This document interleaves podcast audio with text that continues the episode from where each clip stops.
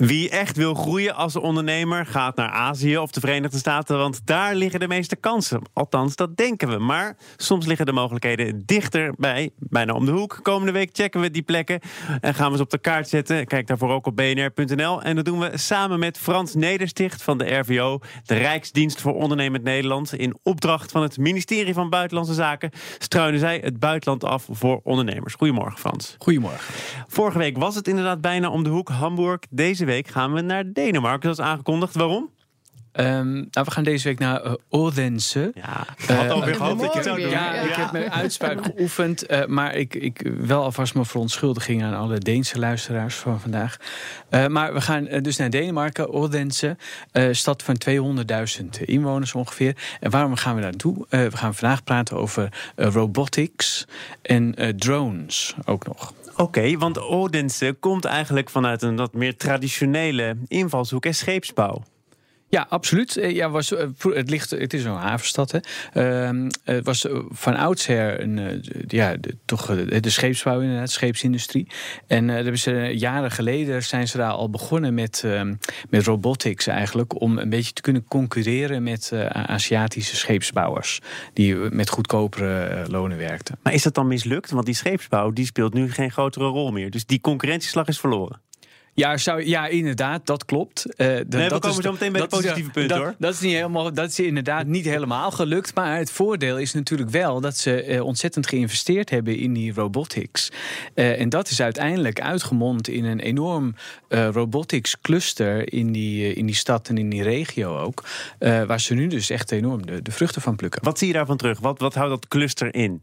Nou, het zijn, uh, het zijn eigenlijk het zijn rond de 150 uh, bedrijven uh, uit mijn hoofd. Maar ehm, je ziet er van alles. Hè. Je ziet er uh, onderzoeksinstituten, onderwijsprogramma's, clusters, investeringsprogramma's. dus de, de, hele stad is echt helemaal gericht op, op robotics. En je moet je voorstellen, het is een stad niet veel, ongeveer dezelfde omvang als Haarlem ongeveer. Maar dat er dan 150 bedrijven zitten die echt met robotics werken. En de grootste is Universal Robotics, is een, is een lokaal, lokaal bedrijf ook is opgericht door drie studievrienden. En die maken uh, robotarmpjes. En die, die robotarmpjes, dat zijn, het is een heel simpel concept eigenlijk. Kun je, kun je ook de wereld ophalen met robotarmpjes natuurlijk. Ja, ja en, uh, maar dat, dat blijkt ook wel, want ze zijn ergens in 2002 meen ik begonnen. En uh, inmiddels heeft dat bedrijf 350 mensen in dienst. Uh, het maakt enorme winst. En het, is, en het is ook onlangs verkocht aan een Amerikaans bedrijf, Teradyne.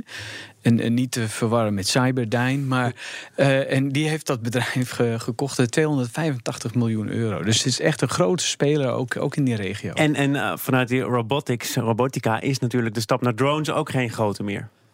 Nee, precies. Hè. Uh, drones zijn eigenlijk uh, uh, ja, ook een soort robots natuurlijk. we kennen allemaal de drones in de lucht. maar um, wat ook wel interessant is, ook zeker in de Nederlandse context... is dat ze ook heel veel drones, varende aquatic drones, gebruiken. Nou, je, je, leert me nu iets nieuws. Ja, maar dus dat je, nou ja, eigenlijk onbemande kleine bootjes... die bijvoorbeeld in de, in de havens, voor Rotterdam zou het natuurlijk heel interessant zijn... om gewoon ook schepen te kunnen inspecteren, watergang Ehm, eh, de verkeer uh, monitoren, uh, dat soort dingen. Dat zijn allemaal, ja, ook dat kan. Is die Nederlandse interesse er? Want die link is dus duidelijk. Nederland en water, dan weet je het al snel. Dat is een goede combinatie. Zijn er al Nederlandse bedrijven actief bijvoorbeeld in Odense?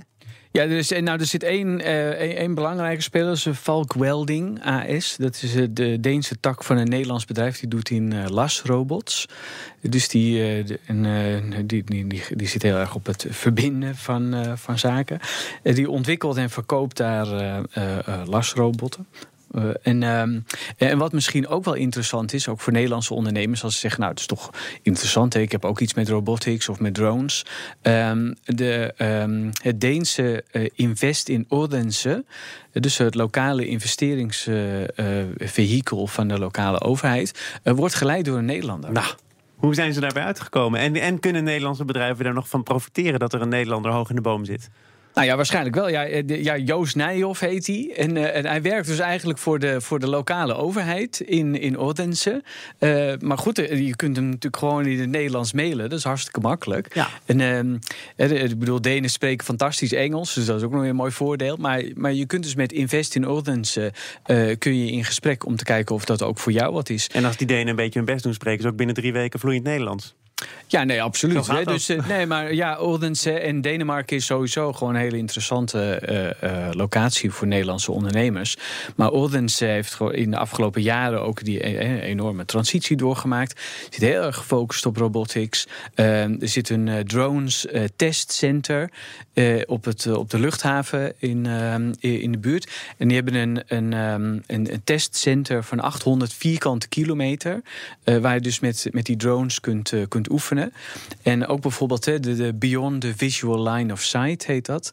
Uh, dat is dat je, dat je drones dan uh, wegvliegt. Uh, dat je drone wegvliegt en dat je, de, dat je hem niet meer ziet zelf. Hè? Dus oh. dat je eigenlijk met camera moet kijken waar die dan moment. Ja, waar, waar zou die zijn? En dat is iets dat in, in Denemarken, ja, daar kan het. hier in Nederland is het wat ingewikkeld, want die, die, die, het luchtruim is natuurlijk heel erg vol. vol. En ehm, daar hebben ze echt een locatie, bijna zo groot als de provincie Flevoland, waar je dus met die onbemande toestellen kunt Ik wil testen. nog één ander puntje aanstippen. En dat is, dat is niet gering, een mega super ziekenhuis. Een investering van 1 miljard. Dus mocht je een keer iets mankeren, ga naar Odense. Wat gaan ze daar in het ziekenhuis dan allemaal doen? Nou, wat ze, wat ze precies gaan doen in het ziekenhuis, dat weet ik niet. Maar wat natuurlijk wel heel interessant is, dat ook uh, medische uh, toepassingen voor uh, robotica is ook heel bekend al. En in dat ziekenhuis, state-of-the-art ziekenhuis. Dus als je in Nederland met robotica of met medische toepassingen werkt, dan is dat ziekenhuis natuurlijk wel interessant om, om even in het oog te houden. Omdat dat een nogal een behoorlijke investering ja. is.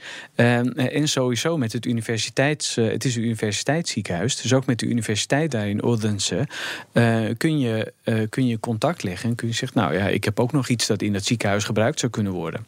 Volgende week Ierland, heb je nou ook een spannende plaatsnaam bij?